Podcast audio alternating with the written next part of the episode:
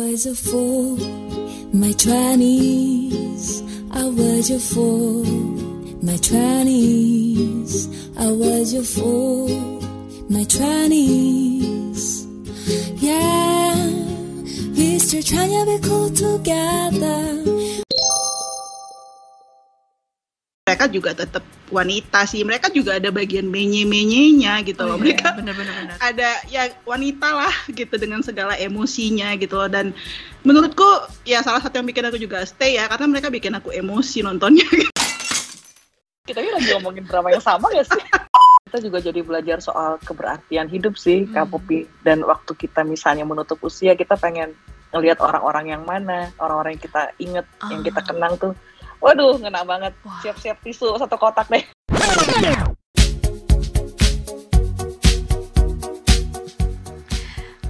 96,3 RPK FM Jakarta. Annyeonghaseyo sahabat RPK di mana pun berada. Ketemu lagi kali ini bareng Popi Natama tentunya Dalam program Joy Show. Setiap hari Sabtu mulai dari jam 2 sampai jam 4 sore Popi akan nemenin sahabat RPK dengan informasi terkini dari Korea Selatan.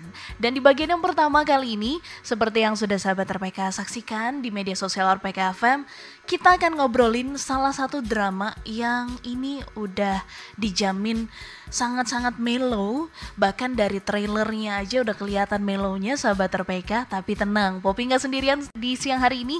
Sudah ada Kak Rijo Tobing dan juga Kak Risna. Annyeonghaseyo. Annyeonghaseyo. Annyeonghaseyo Kak Popi apa kabar Kak Rijo Kak Risna? Kepanasan. cerah sekali hari ini ya. Jemuran cerah kering. sangat cerah alias panas Oh oke, cerah mengarah ke panas. Dan semoga panasnya hari ini sama seperti semangatnya Kak Rijo dan Karisna untuk ngobrolin. Di siang hari ini kita akan ngobrolin tentang drama 39. Nah, ini sahabat RPK udah menanti-nantikan pasti nih, apalagi yang ngefans banget sama ketiga karakter pemeran utama di sini ya. Tapi sebelum kita ngobrolin nih Kak, ini kan dramanya kan udah tuntas gitu ya. Jadi Ya. sedikit spoiler untuk sahabat RPK yang belum nonton sama sekali. Jadi ini sedikit banyak eh, cuplikan-cuplikan nanti yang ada di dalam drama kita obrolin ya.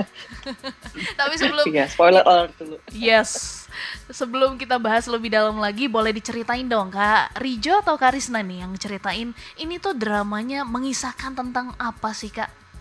Silakan. Sebelumnya kami berdua cocok mengulas drama ini karena saya 39. Umurnya Oh, ya? sama dengan di dramanya. Iya. Dan Karisma udah lewat 39. Jadi cocok lah ya. Oke. Sedikit relate ya Tapi Kak kalau ya. untuk eh, Memang eh, relate Untuk ya? sinopsisnya Hmm. silakan Karisna. Lebih Silakan. katam nih kayaknya. Aduh, kalau 39 ini ceritanya paling utama tuh tentang persahabatan tiga wanita yang jadi eh, pemain utamanya ya Son Ye Jin, Kim Ji Yoon sama John Mido itu mereka tuh eh, wanita berusia 39 tahun dan single gitu. Jadi cerita utamanya itu persahabatan, tapi selain cerita persahabatan itu sebenarnya ada cerita gimana persahabatan yang udah sangkin lamanya Mhm. sampai 20 tahun itu Oh. mereka udah jadi kayak keluarga gitu. Oke, bestie banget katanya ya. Yesti banget.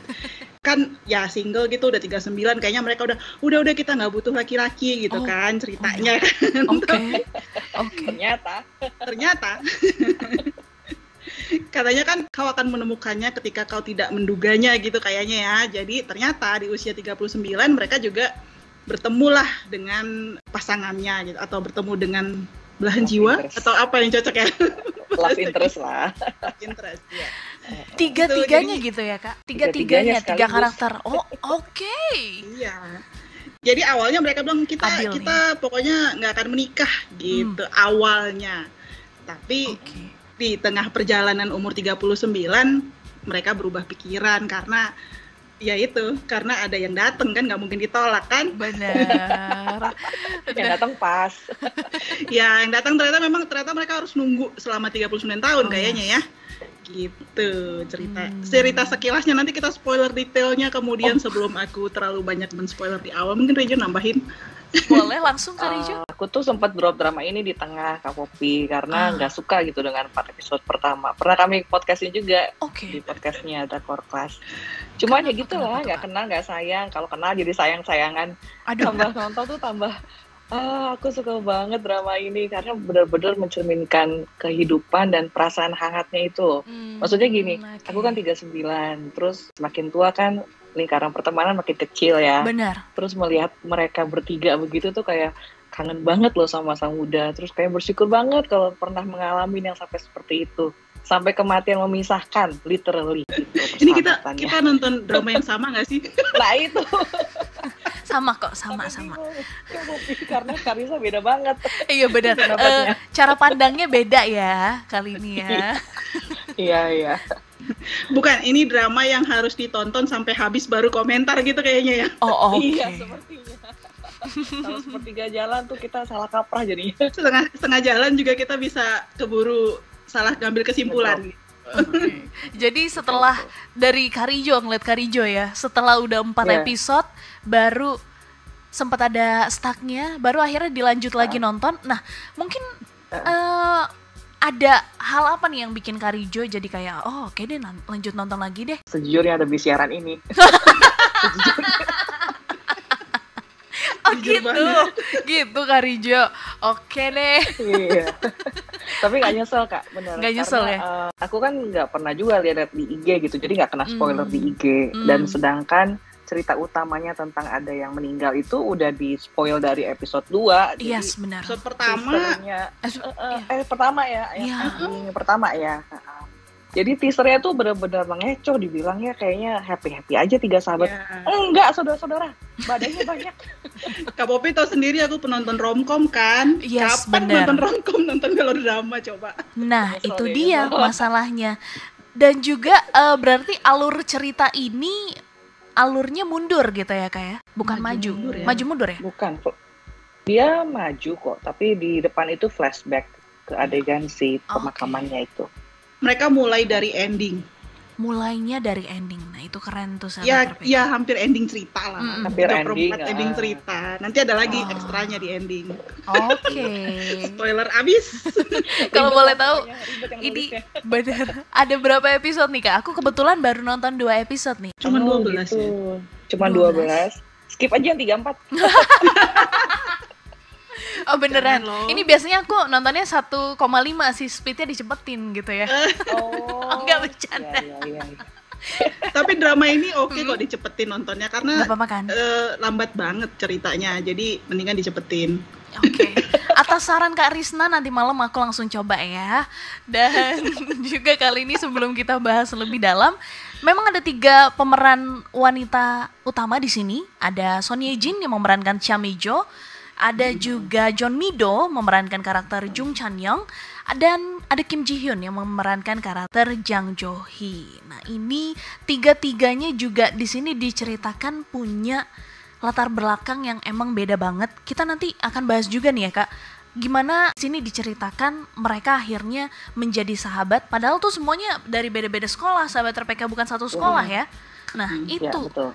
Lumayan seru awal perjumpaannya sahabat RPK. Kita akan bahas setelah ini dan kita harus jeda break sejenak untuk dengarkan beberapa informasi yang mau lewat. Sahabat RPK jangan ke mana-mana. Joy Cinggu yang udah nonton dan juga mau ikutan ngobrol di siang menuju sore hari ini atau yang belum nonton sama sekali tapi penasaran gitu ya ada yang dipenasaranin penasaranin. Oke sahabat RPK boleh tanya langsung di live streaming itu RPK FM atau bisa SMS dan juga WhatsApp. Dan jangan ke mana-mana kami akan segera kembali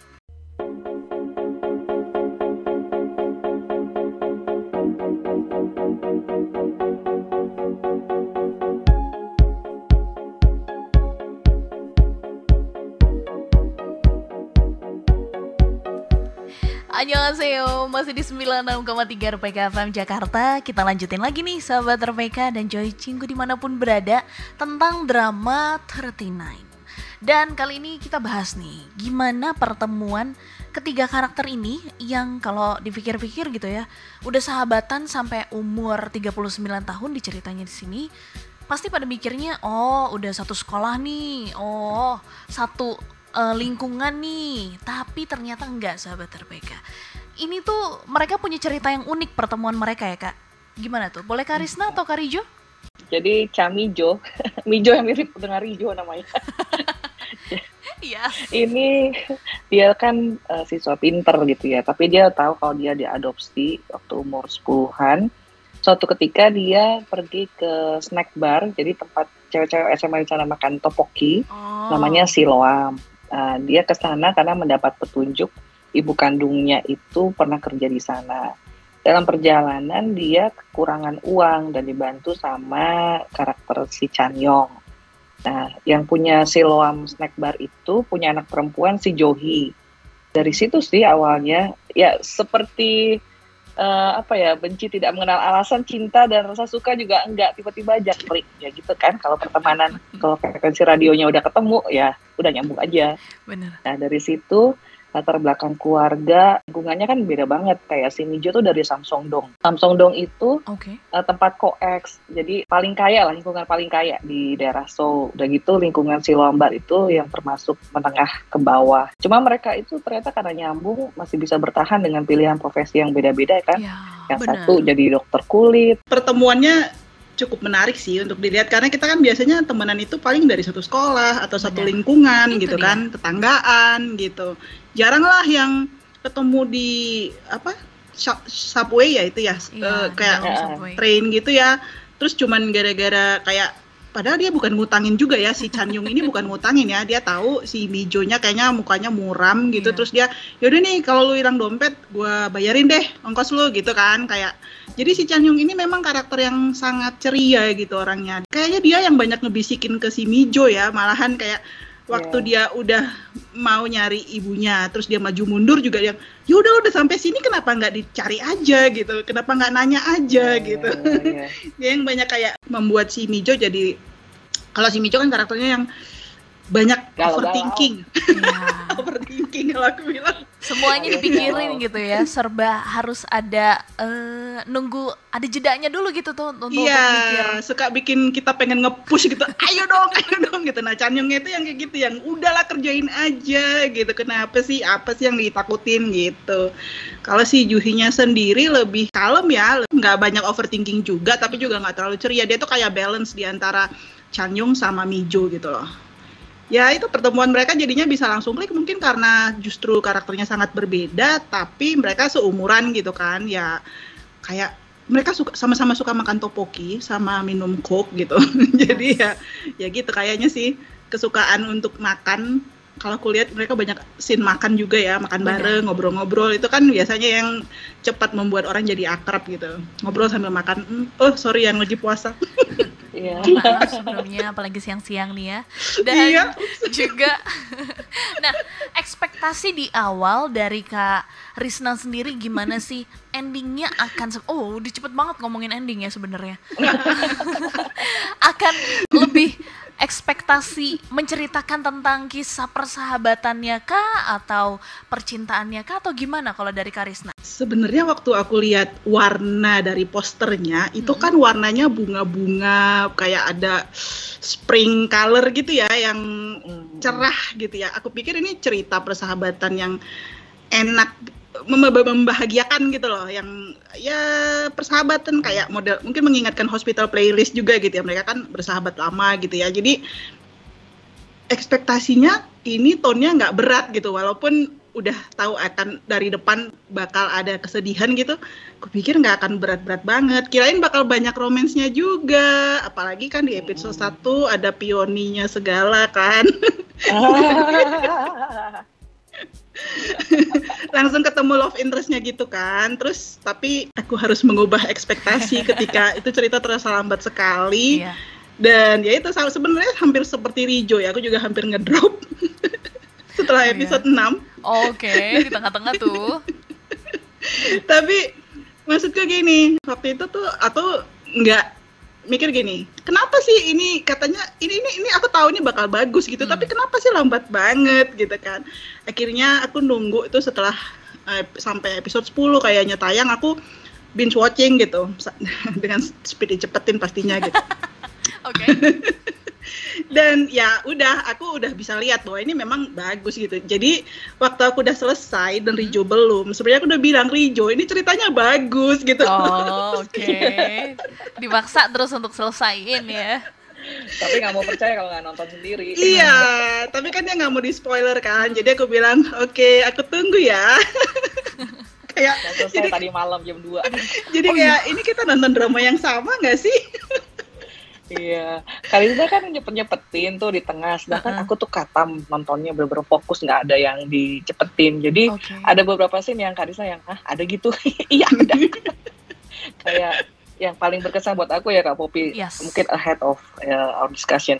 Uh, jadi si Chan Yong setelah tahu dia sakit, dia kan harus ngasih tahu orang tuanya. Nah posisiku sebagai orang tua dan sebagai anak tuh nggak kebayang rasanya Kak. Hmm. gimana ngasih tahu ke orang tua kalau kita akan meninggal duluan gitu loh kan ekspektasi orang kan umur anak akan lebih panjang dari orang Iya. tua ya. Dan si Chanyong tuh waktu ketemu orang tuanya pun nggak bisa ngasih tahu kalau dia lagi sakit berat. Terus dia sama si Mijo tuh berhenti di tepi sebuah danau dan kenyataan bahwa dia sedang sakit berat dan akan meninggal dalam waktu yang tidak bisa diprediksi walaupun kata dokter maksimal enam bulan itu tuh bikin mereka nangis sesenggukan dan aku juga Oh. pokoknya mata seperti jengkol lah paginya sedih Wow. banget siap-siap tisu Iya. nonton ini betul betul betul Itu Siap-siap udah tisu. mulai menguras emosi dan air mata di episode keberapa nih kak? Boleh boleh spoiler juga. Hmm, dari Lima. awal juga udah banyak sebenarnya Oh. ya karena kan dari depan juga udah kayak ending episode 1 aja gitu kan udah kelihatan ada funeral gitu ya udah kayak yang hah ini apa gitu kita udah yang langsung tersadar bahwa aku sudah tersadar bahwa aku salah genre tapi Ya. aku terusin juga gitu Demi siaran, oke, oh, enggak kalau aku Oh, bukan enggak. demi siaran Oh, enggak. Oke, oke. nonton oke, oke. Iya jadi jadi kadang-kadang walaupun bukan genreku masih ada Hmm. sih yang kutolerir karena kan aku sejujurnya nonton ini karena Son Ye Jin sih Oke, Sama-sama jadi juga. kebuka nih ya. kami penggemar Chloe Oh, Oh, sampai halal. Oke, udah sampai halal, udah dan akhirnya di dunia nyata juga jadi suka main golf kayaknya ya. Ya, Iya. Ya, Chamijo itu karakter yang memang untuk Son Ye Jin banget. Ah. suka main golf menikah Suka main golf. 40 Yes, apalagi ah cantik luar biasa cantik luar biasa. rambutnya Kalau yang galau-galaunya mudah-mudahan enggak ya. Semoga enggak. Dan juga kali ini kita masih akan bahas terus eh, keseruan dari drama 39 yang sudah tayang sahabat RPK. Jadi ini bisa jadi salah satu rekomendasi untuk sahabat RPK yang nggak ke mana-mana gitu ya. Di weekend ini nggak apa-apa, it's okay. Karena sahabat RPK boleh nonton drama 39 di aplikasi streaming di Netflix ini tayangnya. Dan jangan ke mana-mana, kita harus dengarkan tanda waktu di studio berikut ini, tetap di 96,3 RPK FM Jakarta.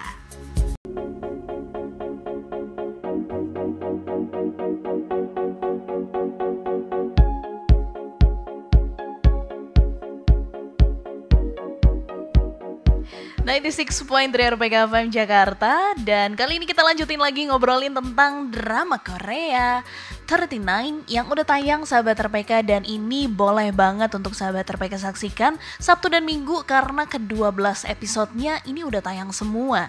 Dan di siang menuju sore hari ini akan banyak banget spoiler untuk sahabat RPK antara kisah dari Chamijo, Jung Chan Yong dan juga Jang Johi kita akan ceritakan sedikit spoiler. Jadi sahabat RPK masih bersama dengan Karisna dan Karijo dari sambungan Skype kali ini kita akan obrolin tentang ada beberapa eh, bagian di sini yang emang cukup dalam banget, artinya juga dalam banget meskipun dibungkusnya gitu ya dalam kemasan hmm, apa bilangnya ya hmm, persahabatan Karisna boleh diinfo ini dari ke-12 episode mungkin dari episode-episode awal yang bisa nahan Kak Risna untuk stay nonton drama ini bagian yang mana tuh Kak? Aku jangan dimarahin ya. Enggak, enggak, enggak, enggak, enggak. Siapa yang mau marahin? Aku tuh stay karena aku penasaran. Apa sih alasannya Chamijo mencari tahu Mm-mm. Eh, ibu kandungnya?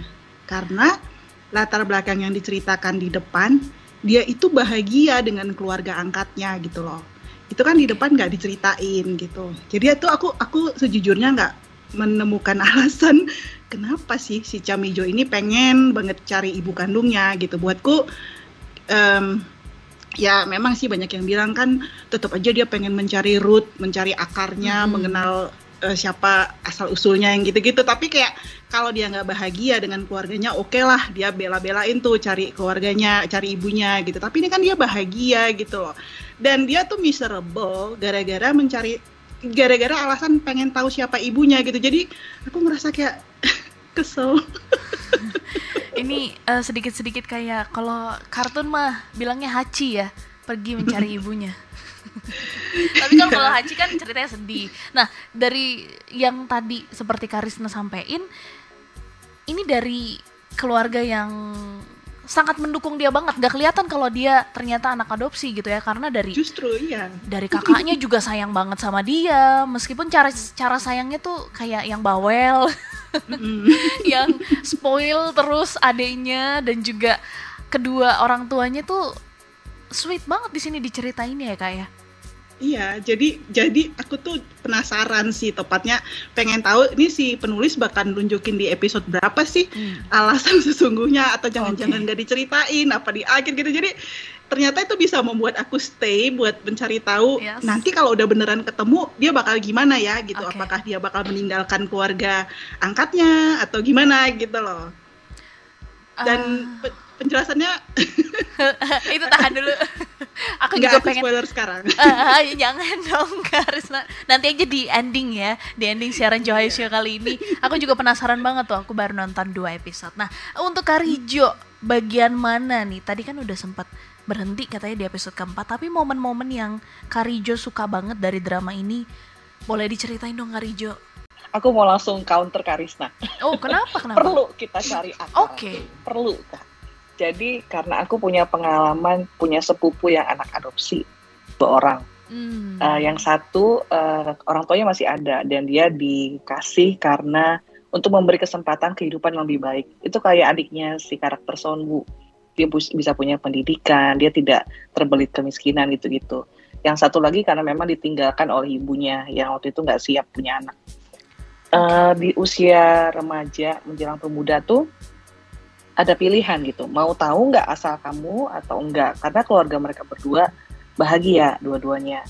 Dan anak-anaknya yang satu mau yang satu enggak karena yang satu merasa uh, sudah diabaikan sudah ditinggalkan. Hmm. jadi buat apa perlu tahu orang-orang yang sudah membuang saya gitu ya tanda petik. Hmm. tapi yang satu lagi pengen tahu karena gimana pun juga ya kita pengen tahu kenapa kita misalnya nih saya anak angkat gitu. Kenapa warna mata saya beda sama warna mata ibu saya sekarang? Saya pengen tahu gitu saya tuh berasal dari mana.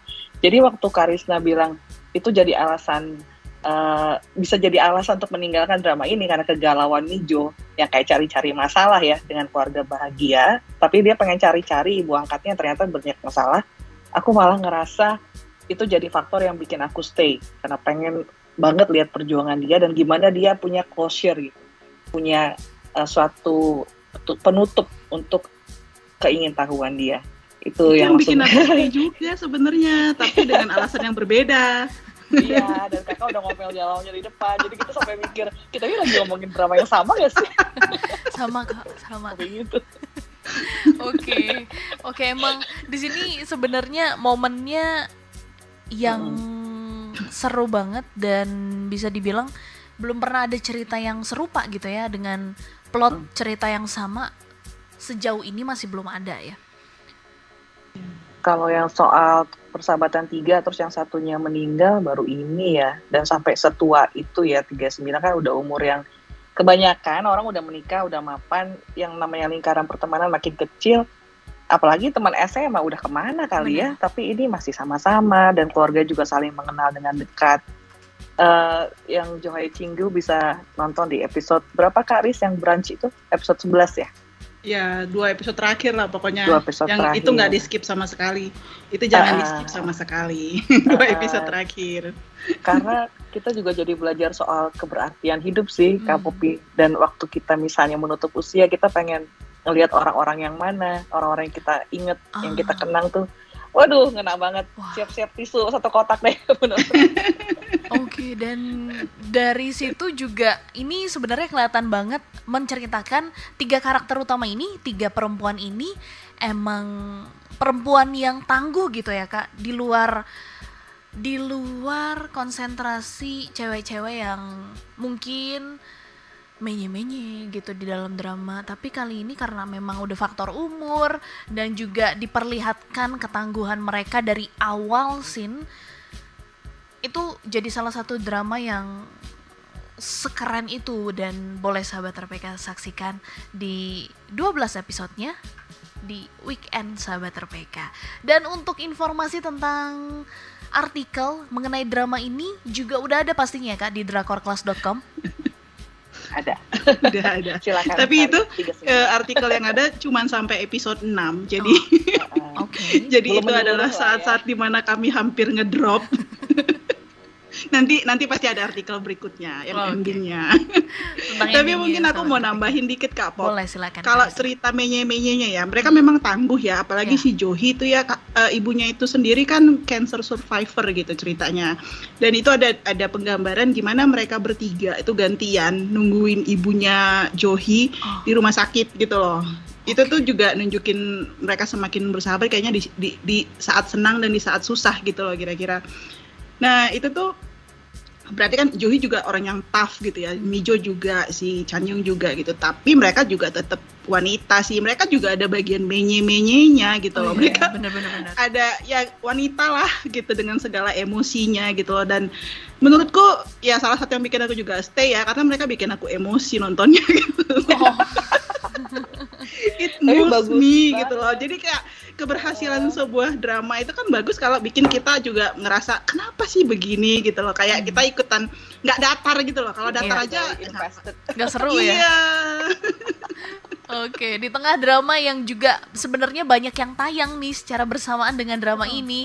Ini punya daya tariknya sendiri, sahabat RPK. Kita udah sedikit se- bukan sedikit lagi ya, udah banyak banget spoilernya. Dan kali ini Kalau kalau nggak nggak bikin kita tersentuh itu perlu dipertanyakan gitu kira-kira. Dari batu pasti. Iya. curiga yang Bagus banget nonton eh, ya. penulisnya kak. Jadi karakter kuatnya sama Yes. menye-menye itu dari dialog.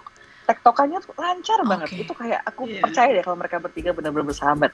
Bagus, lancar, nggak ada nggak ada jaim-jaimnya sampai Actingnya Ah, juga meyakinkan bukas. banget lah ya. iya Kayaknya memang segala arti- hati. aktris yang dipilih juga pas gitu loh. Dan membuat Iya. umurnya gitu. ini padahal baru momen pertama kali mereka ketemu di satu project yang sama gitu ya, Kak. Ketiganya. Iya. Betul, Hmm, betul. iya, iya, Baru pertama kali dan Mido ke drama drama kedua setelah Hospital Playlist. Jadi Oh, dia berusaha banget tuh keluar dari karakter Cha Song Hwa ya. Iya benar. Oke. Kita masih akan terus berbincang dan kita nanti akan sedikit bahas gimana endingnya. Padahal endingnya udah ada di episode Depan. pertama ya, ya di depan. Atau nanti eh, kita juga akan bahas yang tadi sempat Kak Risna obrolin mengenai eh, orang tua kandung dari Ibu kandungnya. Chamijo. Mijo. Kita akan bahas nanti sedikit aja spoiler.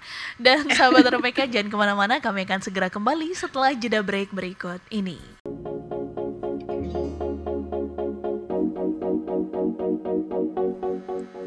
Annyeonghaseyo, masih di 96,3 RPK FM Jakarta dan kali ini kita udah masuk ke bagian akhir Johai Show yang pertama untuk 23 April 2022 masih bersama dengan Kak Rijo Tobing dan juga Kak Risna. Kita lanjutin nih kali ini gimana eh, sedikit cerita ya em, sedikit pencerahan dari momen yang Kak Risna tunggu-tunggu. Gimana tuh Kak?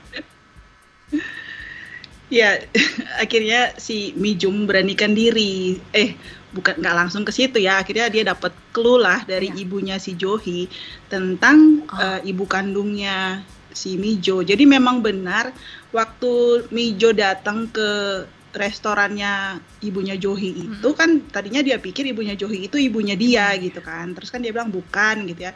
Tapi memang alamat yang dipakai itu memang eh, alamat ibunya Johi tapi ibunya nggak langsung eh, ibunya Johi itu nggak langsung kasih tahu gitu bahwa dia sebenarnya kenal dengan ibu kandungnya Mijo gitu loh. Oh, Nah, ibunya Johi ini akhirnya ngasih tahu sama Mijo keberadaan ibunya ada di mana gitu dan Hmm. si Mijo juga memberanikan diri untuk bertemu dengan ibunya di situ aku spoilernya nih spoiler abis apa spoiler tipis nih Ah, tipis Rika tipis. ada di penjara ibunya Karijo. Oh my god. Oke. tapi tapi Ah, tapi itu sebenarnya Iya. Karena di situ semakin emosi sih nontonnya. Aku kayak tuh kan ibunya Mijo ternyata bukan orang baik gitu loh. Ibunya Mijo itu memang orang jahat. Terus kayak what do you expect Mijo gitu kan? Lo cari-cari ibu kandung lo ternyata bukan orang baik gitu. Terus lo mau apa gitu Oh, oh, ya kan? Ah, Tapi di situ aku akhirnya sama eh, suka sih dengan cara si penulisnya menggambarkan gimana Mijo bereaksi terhadap kenyataan bahwa ibunya memang bukan orang baik gitu loh. Dia nggak yang tetap menye-menye gitu, dia akhirnya tegas gitu karena ibunya memang jahat ke Mijonya juga gitu. Oke. Tapi Mm-mm. tapi gini, walaupun aku spoiler ya, aku mau bilang kalau drama yang bagus itu kan biarpun di spoiler ya, itu kita tetap penasaran pengen melihat Benar. detailnya kan. Hmm. Jadi walaupun aku terasa kayak detail, ini tuh sebenarnya masih banyak detail lain yang aku nggak ceritakan. Intinya tapi reaksi Mijo itu akan sesuai dengan harapan kita gitu. Dia Oh. akhirnya menemukan bahwa eh, keluarganya itu ya keluarga angkatnya gitu loh, bahwa ibunya tuh memang nggak menginginkannya gitu. Tapi dia mendapat jawaban lah dari pertanyaannya siapakah ibu kandungnya yang gitu-gitu loh. Hmm. Closure, closure dia dapat Ah, ah, closure. Itu dapat. Itu. aku ini dari mana gitu ya dan Mm-mm. alasan kenapa dibuang tuh semuanya kejawab jadi Ya, melegakan iya melegakan buat penonton juga tadinya yang kesel juga jadi akhirnya oke gitu. oke Drama yang di akhir gak bikin penasaran itu ini ya.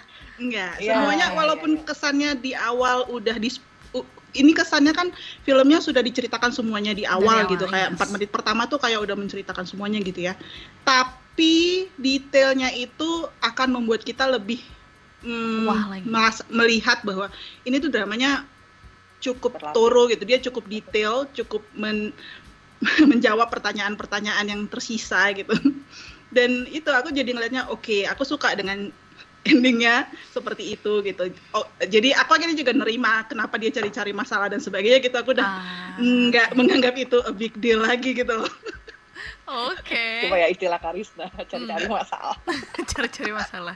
Ada ya. tapi itu sih eh, bagus sih caranya membuat Hmm. aku stay menonton Dan tentunya sahabat RPK ini jadi salah satu drama yang kami rekomendasikan untuk sahabat RPK di mana pun berada. Joy Cinggu yang kira-kira lagi bingung nih mau nonton drama apa ya. Banyak banget nih emang drama-drama yang seru. Eh, menuju pertengahan tahun makin banyak Ya. yang juga boleh sahabat RPK nantikan. Nah kalau di drama 39 ini siapa dan kenapa kita harus nonton sampai akhir? Boleh dari Karijo mungkin silakan. karena tahu kalau hidup ini singkat itu kesadaran yang kita tuh tahu ya ada kematian tapi kan Hmm. kita kita kadang mengulur-ulur hari gitu nah waktu si Chanyong mulai parah diceritakan tuh gimana bergantian hari-hari di mana mereka bahagia semuanya Hmm. baik-baik aja waktu berpihak pada mereka terus tiba-tiba koma. Tiba-tiba Hmm. harus masuk UGD dan di situ kelihatan gitu desperasinya orang-orang yang sangat sayang sama Chanyong dan berusaha mempertahankan dia hidup. Tapi Chanyong juga punya kesadaran kalaupun dia memperpanjang hidup dengan perawatan dia cuma akan ada di rumah sakit. Dia nggak bisa Hmm. hidup dengan normal seperti kita gitu kan. Jadi apa gunanya juga? Apa gunanya tetap stay di rumah sakit dijagain orang ngerepotin orang? Dia pengen menikmati waktu-waktu terakhirnya yang aku paling suka dari perkembangan karakternya tuh karakter eh, kekasihnya Chanyong walaupun sebenarnya awalnya nggak enak ya dia tuh suami orang. Jadi Chanyong ini selingkuhan. Terus akhirnya si bukan cowok selingkuhan. Iya gitulah mendua intinya. Kalau udah nikah siapa yang rela suaminya deket-deket sama cewek lain? Iya, kurang oke. lebih ya. Cinta pertama yang nggak di move onin sama sekali gitu loh Iya, eh, terus akhirnya cowoknya cerai dari suaminya dan tinggal Dari istri- dan dari merawat istrinya. eh, eh sama suaminya ya sorry sorry sorry Nanti sama mikirnya macam-macam nih. ya sorry sorry sama istrinya dan akhirnya tinggal eh, merawat Chanyong sampai sisa hidupnya itu kata aku acting dan ekspresi yang Oke. paling memukau dari orang yang sangat takut kehilangan mempersiapkan diri buat kehilangan cakepnya keluar di situ. Oh. dan momen-momen terakhir waktu uh, si Chanyong kan suka ngirim teks pagi-pagi atau larut malam keinget apa? Nanti tolong kamu gini gitu ya sama orang tua aku perhatikan. Hmm. kalau misalnya mereka meninggal uh, bikin memorial service buat mereka itu uh, si Mijo akan menerima dengan senang hati SMS WA itu. Sampai suatu oh. ketika yang telepon adalah pacarnya Chanyong berarti kan Chanyongnya udah nggak bisa lagi pegang HP kan Wah itu Wah, okay. tangis beneran. Wah. dan dan momen dia mempersiapkan kematiannya sendiri, milih tempat di pekuburan sendiri, Kak Popi. itu kalau kita nggak jadi inget uh, nafas kita ini terbatas, itu kayaknya aku nggak tahu pelajaran apa yang bisa diambil. luar biasa iya. dramanya. Dalam banget emang drama ini oke? Okay? nanti malam aku akan langsung tonton semuanya. Terima kasih banyak. tisu Kak Popi siap aku udah iya, siapin tisu dari kemarin. Karena baru uh, nonton dua episode aja udah ada tuh bagian-bagian yang bikin aku sesenggukan ya. Meskipun hmm. beberapa detik aja. Dan kali ini terima kasih banyak untuk Karijo dan juga Karisna yang sudah ikut meramaikan Joy Show di siang menuju sore hari ini. Dan juga ya. ada beberapa komentar di live streaming YouTube RPKFM ada dari Kak Feni Cita. Katanya bagus banget dramanya. Dari sini Mido di salah satu artikel juga bilang saat menghadiri pernikahan Son Ye Jin Mido dan Ji Hyun ya. sempat nangis waktu di bride's roomnya. Karena terharu sampai Yejin nanya kenapa mereka nangis. Udah seakrab itu ya ternyata oh, oke okay. okay. dan Mas, juga ada masih masuk ke bright room ya bener sudah masuk, masuk. udah jadi beneran sahabat Bener. Ah, Dari Kak Dwi Tobing katanya Anyong telat gabung udah bagian akhir aja. Gak apa-apa itu oke. Okay. Ada Kak Nadia Amalia, yuk pada ikutan GA-nya udah selesai. ya, hidup itu singkat kalau kata Nadia, benar. Dan sekali lagi terima kasih banyak untuk Kak Rijo, Kak Risna, teman-teman di Drakor Class. Ditunggu artikel dari drama tertinanya dan sahabat yang mau Iya benar, yang mau baca review dari teman-teman Drakor Class, boleh banget langsung ke drakorclass.com udah banyak banget ya. bukan cuma ini ada banyak drama lainnya yang juga di review sahabat RPK jadi langsung aja ke sana. Dan di siang menuju sore hari ini kita tutup Joy Show bagian yang pertama. Kita, kita ketemu lagi Karisna dan Karijo okay. sehat-sehat terus. Anyong Igaseo sehat selalu. Anyong Igaseo dua minggu lagi. Bye. Makasih RPK FM makasih